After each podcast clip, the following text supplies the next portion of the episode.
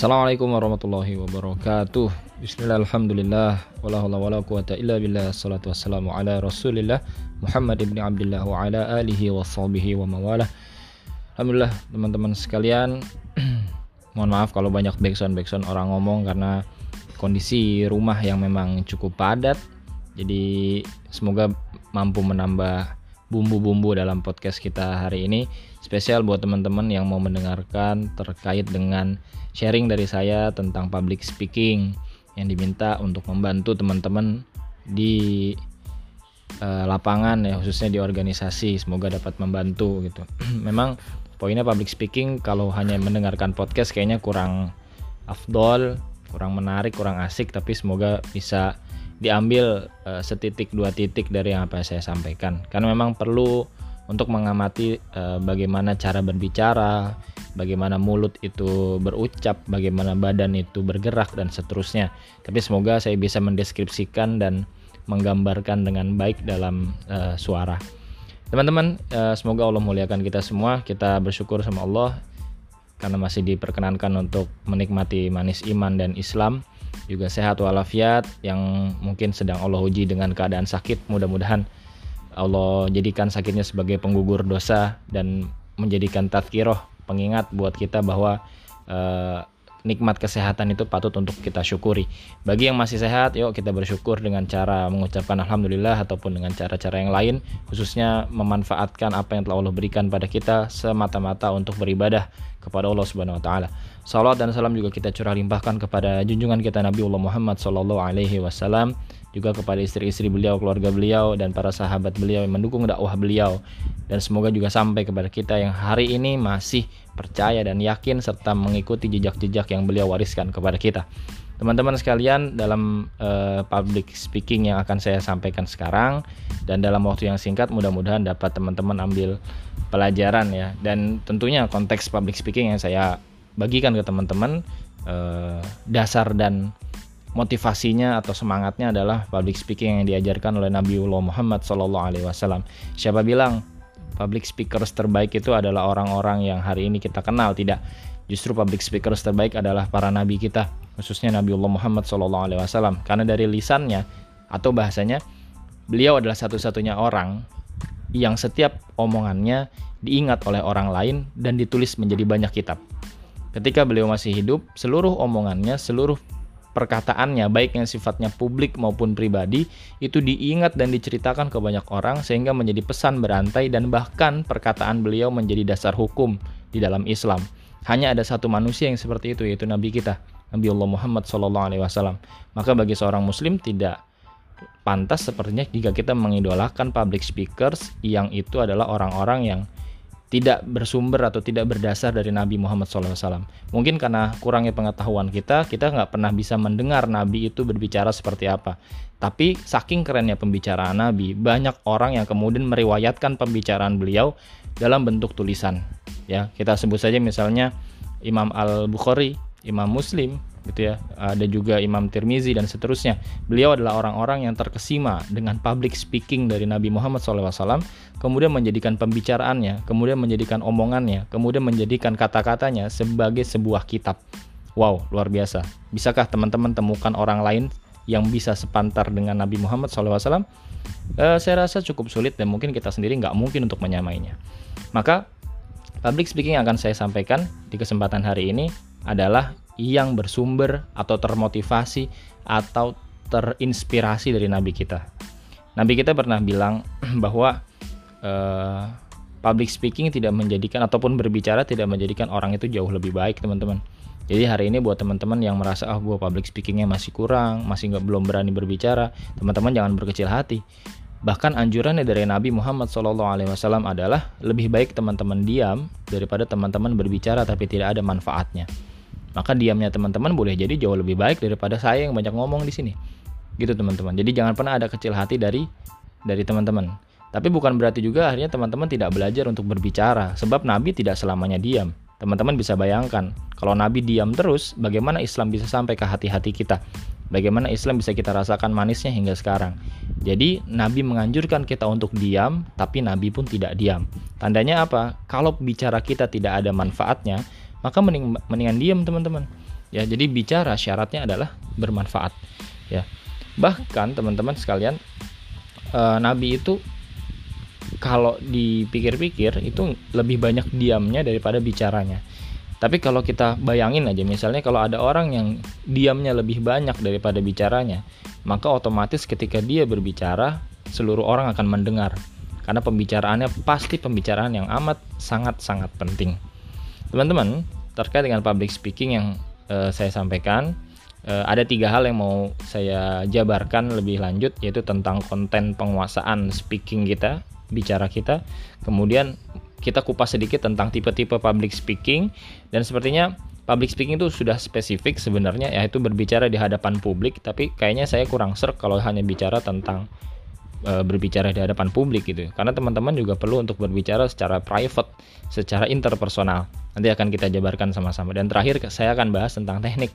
Bagaimana kita mampu berbicara dengan baik.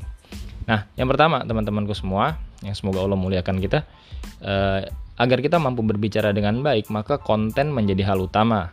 Konten menjadi hal utama. Apa itu konten? Yaitu penguasaan kita terhadap apa yang mau kita bicarakan. Di sinilah pesan kenapa Nabi ngomong, lebih baik teman-teman diam daripada ngomong tapi nggak ada manfaatnya. Itu kaitannya dengan konten. Maka konten ini menjadi penting. Maka sebelum kita bahas tentang konten, konten itu sesuai ya. Jadi gini, nggak mungkin kita bisa bicara kalau di kalau di kepala kita nggak ada isinya maka selalu perbanyak isi kepala kita dengan bacaan-bacaan teman-teman dan ini sesuai dengan uh, firman Allah yang pertama Iqra bismi rabbikal ladzi khalaq. Maka bacalah. Bacalah apa pun jangan cuman buku saja jangan cuman tulisan saja tapi juga baca keadaan teman-teman observasi bahasa kitanya. Jadi membaca itu adalah langkah pertama kita untuk mengisi otak kita sehingga kita punya bahan untuk kita bicarakan. Mustahil teman-teman mampu berbicara panjang kalau di otak Anda tidak ada isinya tapi nggak mungkin juga otak gak ada isinya. Minimal ada selnya minimal ada neuronnya minimal ada cairannya gitu jadi nggak mungkin kalau ada orang yang bilang otak gak ada isinya. Apalagi nggak ada otaknya. Nah, itu ya mungkin dia belum belajar biologi. Nah itu tentang isi. Jadi kalau ngomongin isi sesuai dengan apa yang mau teman-teman bicarakan. Teman-teman mau ngomongin apa, maka isinya itulah yang teman-teman harus perbarui dan perbanyak sebanyak-banyaknya. Dan kerennya dari seseorang adalah dia mampu berbicara banyak dengan kalimat yang ringkas, singkat, padat dan jelas. Kalau orang sudah sampai level itu, itu itu sudah luar biasa. Dan saya tidak berkata bahwa saya sudah berada di level tersebut. Coba aja kita lihat dari podcast kita berapa menit saya mampu berbicara pada hari ini. Nah, yang kedua, teman-teman, uh, materi atau isi atau konten yang kita bicarakan itu tidak akan sampai kepada pendengar kita kalau tidak kalau kita tidak menggunakan bahasa yang baik. Ya, maka kalau teman-teman mau jadi public speakers yang baik, maka teman-teman harus belajar tentang bahasa dan sastra. Bagaimana orang mampu menyampaikan konten dengan menarik menggunakan uh, hiasan-hiasan bahasa. Ya, ada teman-teman namanya ada majas ya, ada majas itu apa sih? Perumpamaan begitu kan. Kemudian ada tipe-tipe mengkritik dengan menggunakan satire misalnya. Seakan-akan mengkritik tapi sebenarnya dia tidak mengkritik menyindir dan seterusnya gitu.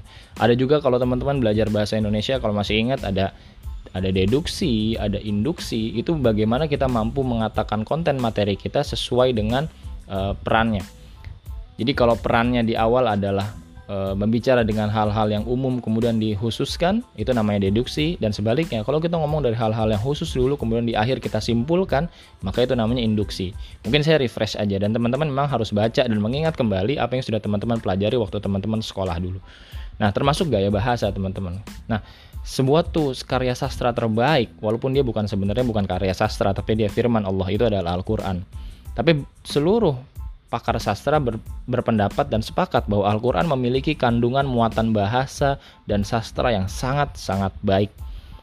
Jadi kalau teman-teman ingin punya gaya bahasa yang baik, maka rajin-rajinlah baca Quran. Tapi percuma kalau baca Quran cuma Arabnya doang, tapi teman-teman nggak paham artinya. Karena keindahan terletak bahasanya itu terletak pada tiap-tiap penggalan katanya. Kalau teman-teman sudah tahu artinya, maka teman-teman akan memaknai bagaimana sebenarnya Al-Quran itu memberikan pelajaran bagi kita bahwa bahasa yang baik akan memberikan atau akan menjadi tools, akan menjadi alat untuk sampainya konten yang baik.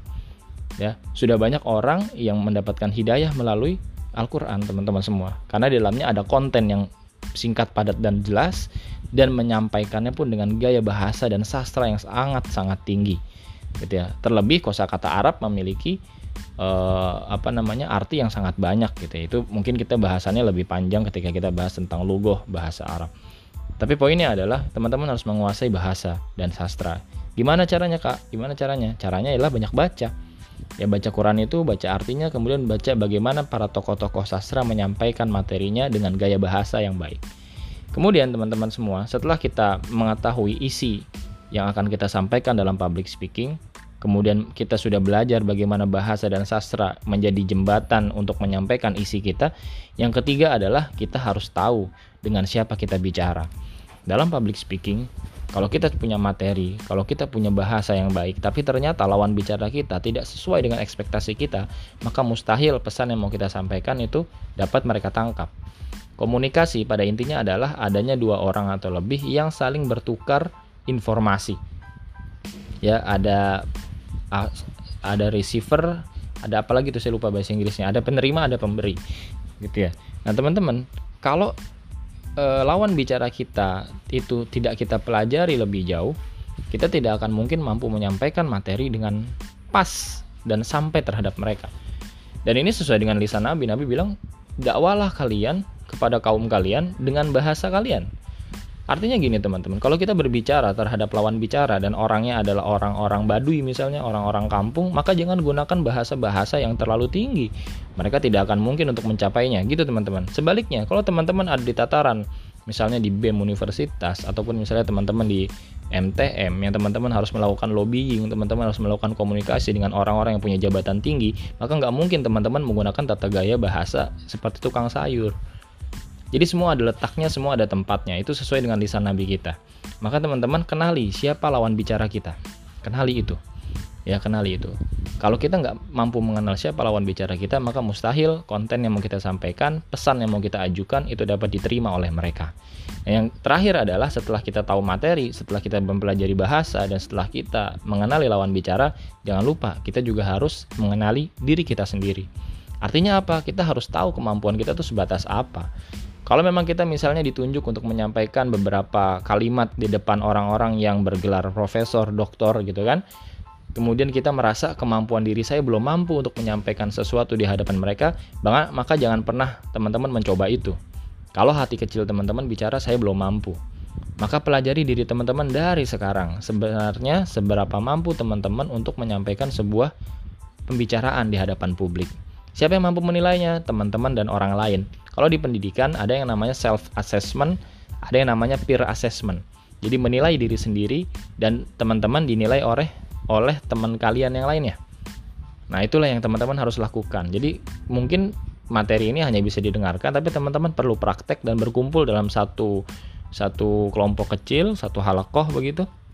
Kemudian teman-teman saling e, praktek di sana untuk berbicara di hadapan umum.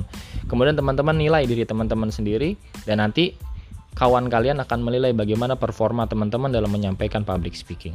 Jadi itu yang harus kita kuasai ada empat teman-teman sekalian sebelum kita mengawali public speaking. Kita tahu materi yang mau kita sampaikan. Kedua kita gunakan bahasa dan sastra yang baik, itu kan. E, kalau memang kita perlu untuk berpuitis silakan berpuitis. Tapi kalau kita ngomongin ke tataran orang-orang yang belum mampu berpikir sampai ke sana, ya tak perlu kita gunakan puisi puisi tersebut. Kemudian kenali lawan bicara kita siapa, dan terakhir kenali kemampuan kita sampai mana. Kalau empat ini sudah kita kuasai dan kita sudah paham, maka insya Allah apa yang kita bicarakan sudah lancar. Dan terakhir sebenarnya yang kelima adalah berdoa kepada Allah. Ya banyak abang-abang kita termasuk saya sendiri itu tidak berani berbicara di hadapan publik kecuali dengan menjaga wudhu kita. Kenapa harus menjaga wudhu? Karena dengan wudhu tersebut Allah akan bimbing setiap lisan kita. Allah akan bimbing setiap kata yang terucap dari mulut kita. Sehingga tidak ada yang sifatnya tidak bermanfaat itu kan sesuai dengan do doanya Nabi Musa. Apa doa Nabi Musa? Cari di surat Toha ya. Itu udah biasa kita baca dan seterusnya. Teman-teman kita lanjut ke subbab yang kedua setelah kita ngomongin konten penguasaan. Subbab yang kedua adalah kita berbicara tentang tipe-tipe public speaking. Nah teman-teman public speaking secara tata bahasa artinya berbicara di hadapan publik. Publik itu apa? Publik itu halayak umum ya. Halayak umum itu pasti apa bentuknya kalimatnya adalah banyak banyak itu kalau dinominalkan maka lebih dari dua Jadi kalau teman-teman ngomong di halakoh teman-teman jadi MC misalnya, ah, jadi baca berita misalnya dan seterusnya, itu teman-teman sudah melaksanakan public speaking. Jadi secara tidak langsung halakoh-halakoh teman-teman tersebut, kelompok-kelompok ngaji teman-teman tersebut itu sudah melatih teman-teman untuk berbicara di hadapan publik. Nah, di situ kita bisa latihan. Misalnya, teman-teman cuma diminta untuk membaca buku saja. Tapi cara baca kita itu berbeda ketika orang yang sudah paham public speaking dengan orang yang nggak mau belajar public speaking. Di sana ada intonasi, di sana ada uh, kecakapan dan kelugasan bahasa, ada artikulasi, ada tempo, ada ya, macam-macam. Nanti akan kita bahas di teknik. Nah teman-teman, jadi sebenarnya berbicara di hadapan publik tidak perlu antum pikirkan banyak orang bergerumun, masanya banyak segala macam enggak. Ya cukup lebih dari dua orang maka teman-teman sudah dikatakan melakukan public speaking, berbicara di hadapan publik. Publik itu sifatnya banyak, banyak itu lebih dari dua. Ya kalau teman-teman punya definisi lain, ya nggak ada masalah karena ini sifatnya uh, umum sekali. Nah, tipe-tipe dari public speaking yang pertama adalah ceramah. Ada ceramah, ada pidato, ada orasi, ada tablik, semuanya sama. Apa ciri-cirinya berbicara di hadapan umum dan umumnya itu sifatnya kerumunan. Sifatnya banyak, ya, lebih dari dua tapi sifatnya banyak. Orang-orang yang melihat itu mereka akan berkata langsung, "Oh, ini ramai." Oh, ini banyak maka itu disebut sebagai ceramah, pidato, orasi dan tablik dan seterusnya. Dan di sini ada ciri-ciri yang kedua adalah tidak ada sifat eh, apa namanya eh, dialog. Ya, jadi semuanya monolog. Ya, cenderung seperti itu. Misalnya khotbah Jumat. Ya, kalau teman-teman lagi ikutin khotbah Jumat, kira-kira bakal ada orang yang nanya nggak? Kalau ada orang yang nanya, maka batal tuh pahala Jumatnya harus ulang lagi dari awal. Seperti itu teman-teman ya. Begitu juga di pidato, di orasi, di tablik dan seterusnya. Kalaupun ada yang bertanya, kalaupun ada yang menginterupsi, maka itu bisa dikatakan satu tidak sopan, dua memang dia ingin memberontak gitu kan dan seterusnya. Banyak artian dari sana. Dan yang mereka lakukan di sana pun termasuk public speaking. Tapi dalam ceramah, pidato, orasi dan tablik poinnya adalah monolog adanya satu pembicaraan khusus. Nah, nanti kita akan bahas apakah monolog ini benar-benar monolog atau tidak. Poinnya apa? Poin dari ceramah, tablik, orasi ataupun e, pidato adalah menyampaikan gagasan. Menyampaikan gagasan itu baru namanya pidato. Kalau teman-teman disuruh sambutan, jangan pernah teman-teman pakai metode ceramah. Kalau sambutan harus ada dialog. Kalau sambutan harus ada pertanyaan.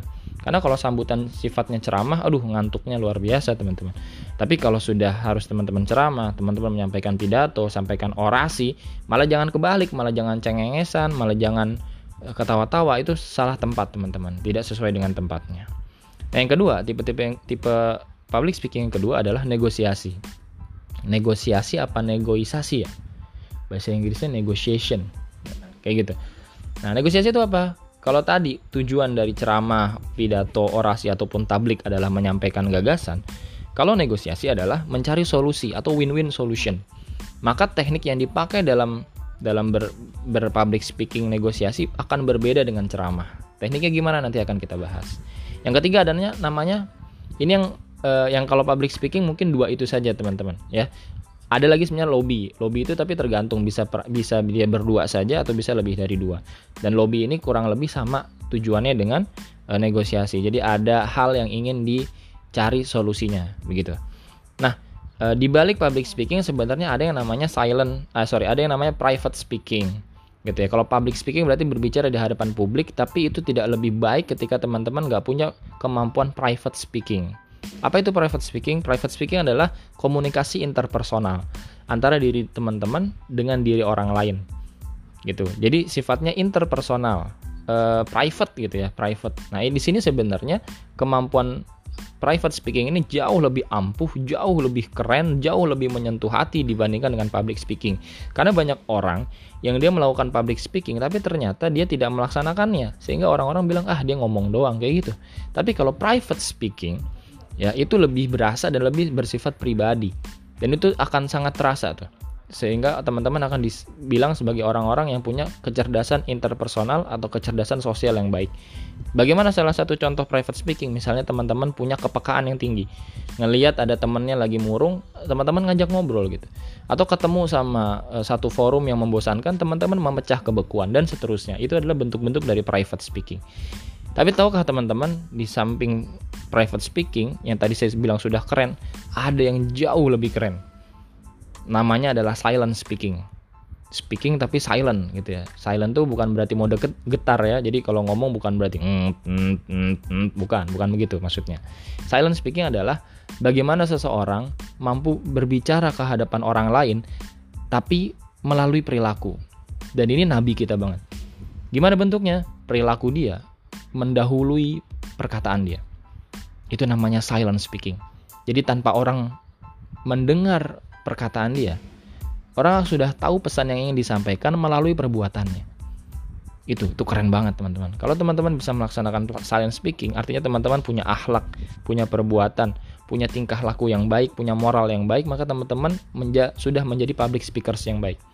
Ya, karena setiap kita nggak mungkin teman-teman jadi public speakers semuanya.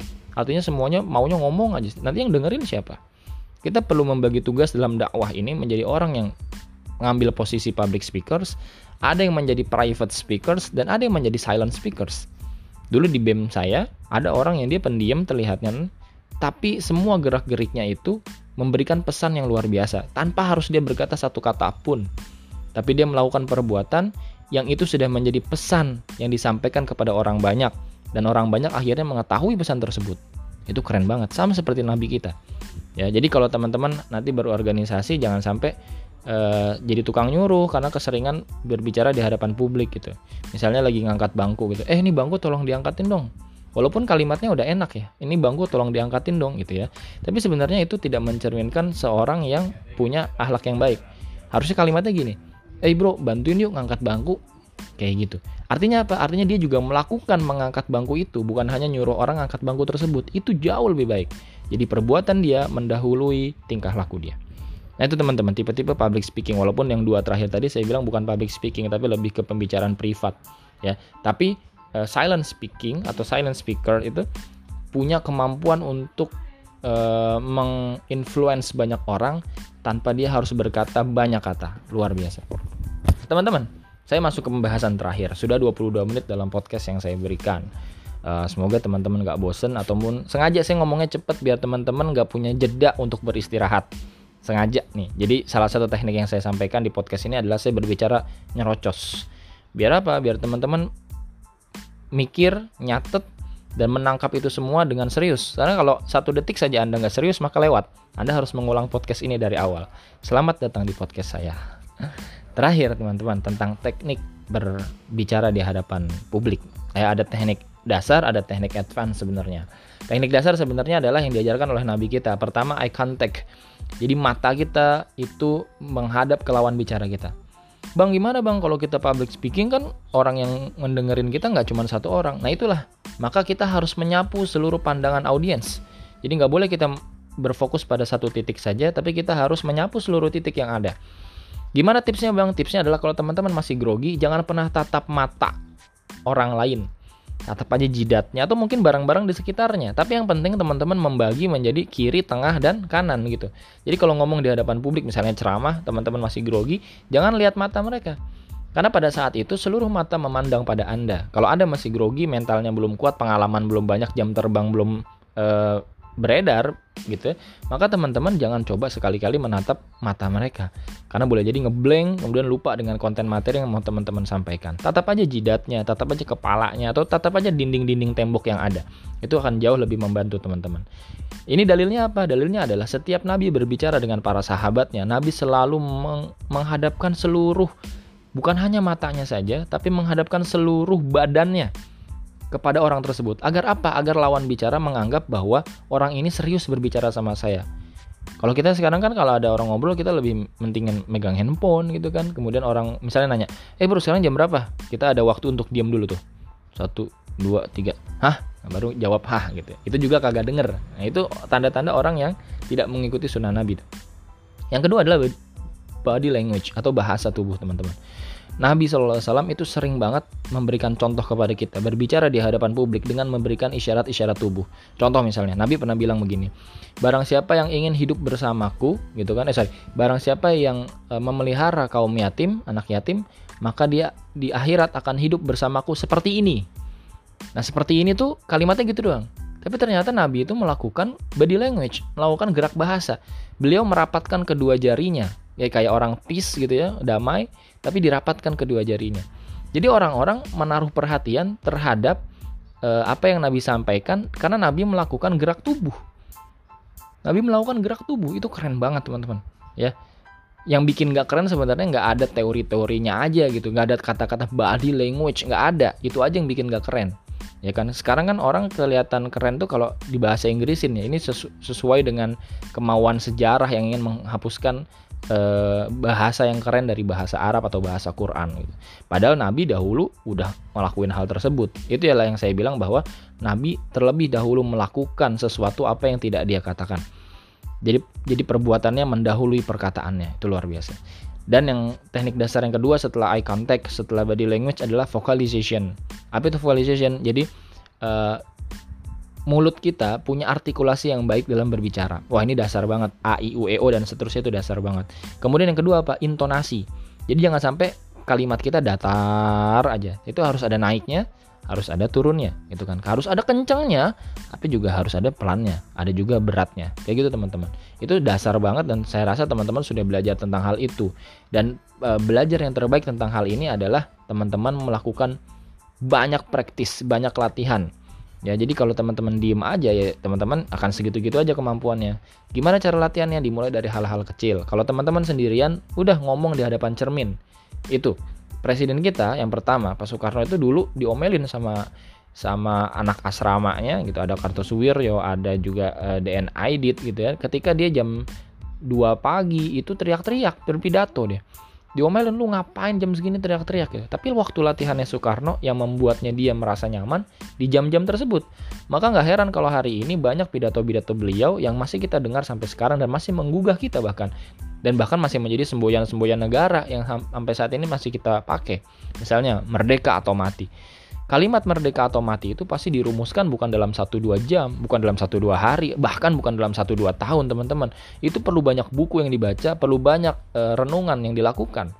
Maka teman-teman kalau menjadi public speakers yang baik, jangan pernah teman-teman berhenti membaca, berhenti merenung teman-teman. Nah terakhir adalah gaya bahasa. Dalam berbicara di hadapan publik, gaya bahasa menjadi penting. Bagaimana caranya? Pertama, biasakan adanya interaksi teman-teman Dalilnya apa? Dalilnya setiap nabi mau ngasih tahu sesuatu, nabi itu pasti nanya. Nah, beda teman-teman. Sebuah informasi yang dimulai dengan pertanyaan itu beda daya tangkapnya. Contoh misalnya Nabi pernah nanya, e, "Maukah kamu ku beritahu sesuatu yang lebih berharga dari ini?" Gitu. Atau misalnya Nabi nanya, "Tahukah kamu siapa yang datang tadi?" Dan para sahabat pun keren. Para sahabat nggak bilang, pasti tanya misalnya, "Tahukah kamu siapa pria yang datang tadi?" Misalnya para sahabat bilang, "Tahu." Maka nggak ada ilmu di sana nggak ada informasi yang sampai. Tapi jawaban sahabat pun beradab. Apa jawaban sahabat? Allah wa Rasulu a'lam. Allah dan Rasulnya lebih tahu. Uh, itu keren banget teman-teman. Jadi speakers dan listeners ya itu punya adab semuanya. Ya jadi biasakan teman-teman kalau ada informasi penting yang mau teman-teman sampaikan, mulailah dengan pertanyaan. Mulailah dengan pertanyaan. Karena dengan pertanyaan ini membuat orang yang mendengarkan kalimat teman-teman itu punya rasa penasaran punya rasa penasaran. Dan penasaran itu adalah bentuk dari mencari perhatian. Ya tidak mungkin ada sesuatu yang ingin disampaikan kalau tidak ada perhatian dari lawan bicara kita. Maka ambil perhatian mereka. Salah satunya dengan mengajukan pertanyaan. Ya kan? Yang kedua, teman-teman, Nabi sering banget melakukan pengulangan. Pengulangan. Misalnya misalnya saja ya. Wallahi demi Allah tidak akan masuk surga. Wallahi demi Allah tidak akan masuk surga. Wallahi demi Allah tidak akan masuk surga. Baru dilanjutkan isinya. Jadi ada pengulangan itu men, mel, melambangkan adanya penekanan terhadap konten yang mau disampaikan. Jadi kalau teman-teman berbicara dan dirasa berbicara di titik ini adalah ada ada hal yang penting, malaku, maka lakukanlah pengulangan. Tapi jangan kelewatan juga ya. Dulu abang kita Bang Roni ya, itu pernah cerita sama kita, dia selalu kalau ngomong tuh kalau ngomong santai itu mengulangi kata-kata gitu ya jadi teman-teman, gitu ya, gitu ya, nah gitu. Terlalu sering diulangi, maka audiens akan menghitung berapa banyak pengulangan yang teman-teman lakukan. Jadi jangan terlalu banyak juga. Maksudnya pengulangan di sini adalah memberikan penekanan terhadap konten yang ingin teman-teman sampaikan selanjutnya. Misalnya, uh, misalnya teman-teman dikasih kesempatan untuk berorasi, gitu ya, di hadapan birokrat. Teman-teman sekalian, gitu kan. Tahukah teman-teman apa yang sedang birokrat rumuskan di balik gedung yang sangat tinggi ini? Itu pertanyaan, memberikan perhatian. Nanti audiensnya bisa jawab, bisa tahu, bisa enggak gitu kan. Kemudian sampaikan bahwa teman-teman sekalian yang dirumuskan di balik gedung ini adalah sesuatu yang menyengsarakan kita. Menyengsarakan kita. Dan menyengsarakan kita selama-lamanya. Apa itu? Dinaikannya harga pendidikan kita, misalnya gitu. Jadi melakukan pengulangan itu untuk meningkatkan atensi dan meningkatkan kepentingan dari konten yang mau kita laku, uh, ucapkan setelahnya. Dan teman-teman, kadang-kadang juga gaya bahasa dalam teknik berbicara di hadapan publik itu butuh yang namanya motivasi atau gambar gembira. Jadi kalau mau memberikan kalimat um, apa namanya speaking, ya teman-teman bisa sisipkan kabar gembira di sana. Contoh teman-teman, Nabi itu sering banget ngomongin, e, maukah aku beritahu uh, apa sesuatu yang lebih baik daripada perdagangan yang kau lakukan, gitu kan? Sebutkanlah subhanallahi wa bihamdi subhanallahil azim. Misalnya begitu. Ya kalimat yang mudah diucapkan tapi berat timbangannya. Di situ ada motivasi teman-teman. Mudah diucapkan tapi berat timbangannya di sisi Allah. Ada motivasi sehingga orang-orang akan melakukan penekanan, akan mengambil informasi tersebut karena Nabi memberikan motivasi. Maka kalau teman-teman berbicara, jangan lupa sampaikan motivasi juga. Tapi sebaliknya, kalau pengen ada penekanan agar orang menghilangkan atau menjauhi hal tersebut, maka berikanlah ancaman atau gertakan. Nah ini biasanya kalau aktivis-aktivis sering banget nih. Misalnya, kami tidak akan pernah keluar sampai kebijakan ini dibatalkan. Itu ancaman. Atau misalnya, boleh jadi hari ini kami uh, kalah, tapi kami pastikan suatu saat kami akan datang dengan masa yang lebih banyak misalnya gitu. Itu berupa ancaman. Agar apa? Agar lawan bicara kita sampai pesannya bahwa kita tidak suka dengan hal tersebut. Contoh yang pernah Nabi lakukan apa ketika memberikan gertakan? Nabi bilang begini, Wallahi demi Allah, waktu kasih surat kepada Kisro-nya Persia, itu disobek-sobek sama dia, sama Kisro-nya Persia, kemudian Nabi bilang, Wallahi demi Allah, suatu saat uh, wilayah kekuasaan Persia akan terus sobek-sobek sebagaimana dia menyobek kertas surat dari aku. Kayak gitu. Jadi tetap ada ancaman. Ancaman boleh nggak bang? Boleh asal pada tempatnya. Yang gitu teman-teman, teknik-teknik yang mungkin menjadi uh, panduan untuk teman-teman bisa berbicara di hadapan publik. Tapi teman-teman yang paling penting dari public speaking adalah ya seperti teguran Allah dalam surah As-Saff ya. Uh, kalau kita tidak melakukan apa yang kita bicarakan, maka Allah sangat tidak suka dengan hal tersebut ya. Jadi penting bagi kita untuk melakukan apa yang kita katakan. Selesai sampai situ? Tidak. Di surat Al-Ankabut pun di ayat kedua Allah bilang bahwa apakah kamu tidak akan diuji ketika kamu bilang kami sudah beriman. Artinya, setiap pembicaraan yang keluar dari mulut kita akan ada konsekuensi logis bahwa nanti akan ada hal-hal yang menyangkut dengan perkataan kita. Dan akan selalu ada ujian setelahnya. Jadi kalau kita berbicara dan kita takut akan ujian yang menimpa kita, wallahi demi Allah, janganlah kita berbicara, lebih baik kita diam. Tapi bukan berarti juga kita berbanyakan diam, bukan. Karena berbicara juga penting karena Islam tidak akan mampu sampai ke kita kalau tidak ada pembicaraan dari orang-orang Islam. Tapi penting bagi kita adalah setiap kita berbicara bersiaplah setelah itu, setelah pembicaraan kita pasti ada ujiannya. Tapi ingat, dalam surah Al-Insyirah Allah menjamin fa inna ma'al usri yusra bersamaan dengan kesulitan ada kemudahan. Jadi setiap ujian kita itu untuk ngetes seberapa tinggi kita dan apakah kita mampu menghadapi ujian tersebut. Ujian pasca kita berbicara. Kalau kita berhasil maka kita akan naik kelas dalam hambatan-hambatannya Allah itu. Karena kalau Allah sudah cinta sama seorang hamba, ada tiga hal yang Allah berikan. Salah satunya adalah memberikan ujian. Agar apa? Agar orang itu makin dekat dengan Allah. Fa inna serius. Bukan setelah kesulitan ada kemudahan, bukan. Tapi kata Allah, bersamaan dengan kesulitan itu ada kemudahan. Allah a'lam bisawab. Semoga dapat bermanfaat bagi kita sekalian. Subhanakallahumma wa bihamdika asyhadu an la ilaha illa anta astaghfiruka wa atubu ilaik. Mohon maaf lahir dan batin dari saya yang fakir ilmu ini. Semoga dapat menambah semangat teman-teman dalam berdakwah, khususnya di dakwah kampus. Assalamualaikum warahmatullahi wabarakatuh.